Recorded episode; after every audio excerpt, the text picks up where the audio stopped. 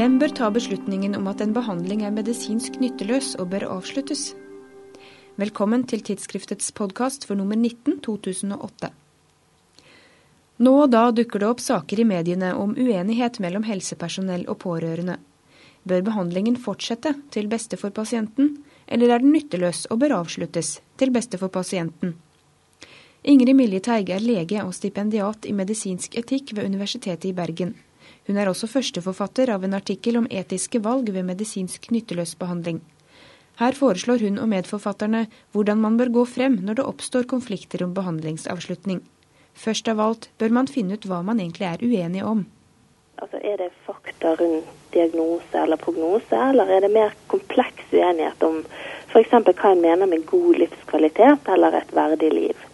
Og så blir det videre å sikre en så åpen og upartisk og akseptabel prosess, beslutningsprosess som mulig. Eh, for det vil alltid kunne være ulike meninger og verdsettinger.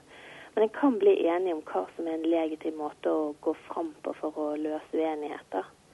Da krever det at en, en tar med de involverte partene i beslutningen. At en er åpen om hva grunner en legger vekt på, at det finnes klagemuligheter. At det er noen som sørger for at disse kriteriene til prosess overholdes. I artikkelen tar de utgangspunkt i to saker kjent fra media. Om en fire år gammel jente som ble rammet av en rasulykke, og en ti år gammel jente med leukemi. I begge tilfellene mente legene at videre behandling var nytteløs, og i begge tilfellene var de pårørende uenige. Militeig understreker at de bare kjenner disse sakene fra utsiden, men sett fra hennes ståsted burde en del av prosessen vært gjort annerledes. En ting som er problematisk her, var at det trakk så veldig langt ut i tid. I den ene saken så ble barnet behandlet i nesten fem måneder etter at legene første gang eh, anbefalte avslutning av behandling. Vi stiller òg spørsmål til at eh, den kliniske etikkomiteen på sykehuset ikke var noe særlig involvert i disse sakene. da. For når det oppstår uenighet og konflikt, bør ikke legen ta beslutningen om behandlingsavslutning alene, mener Miljeteig. Da bør en klinisk etikkomité eller en annen uavhengig nemnd kobles inn.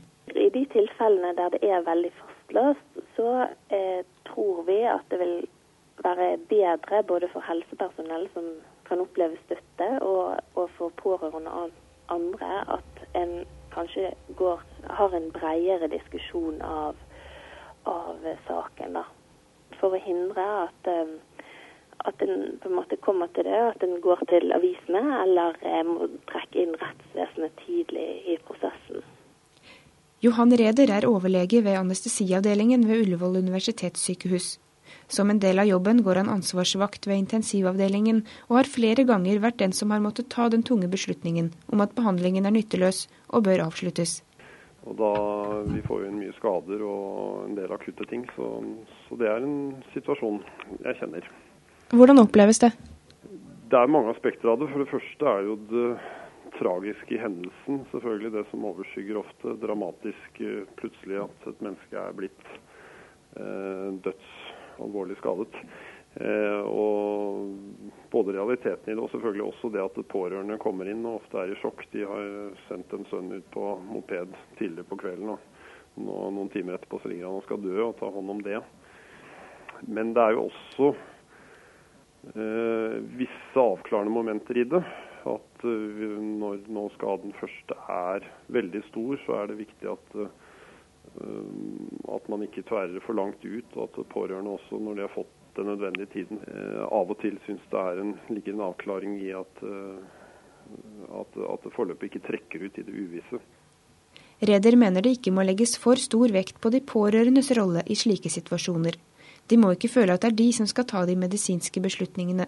I de fleste tilfellene er de uansett enig i legens avgjørelse.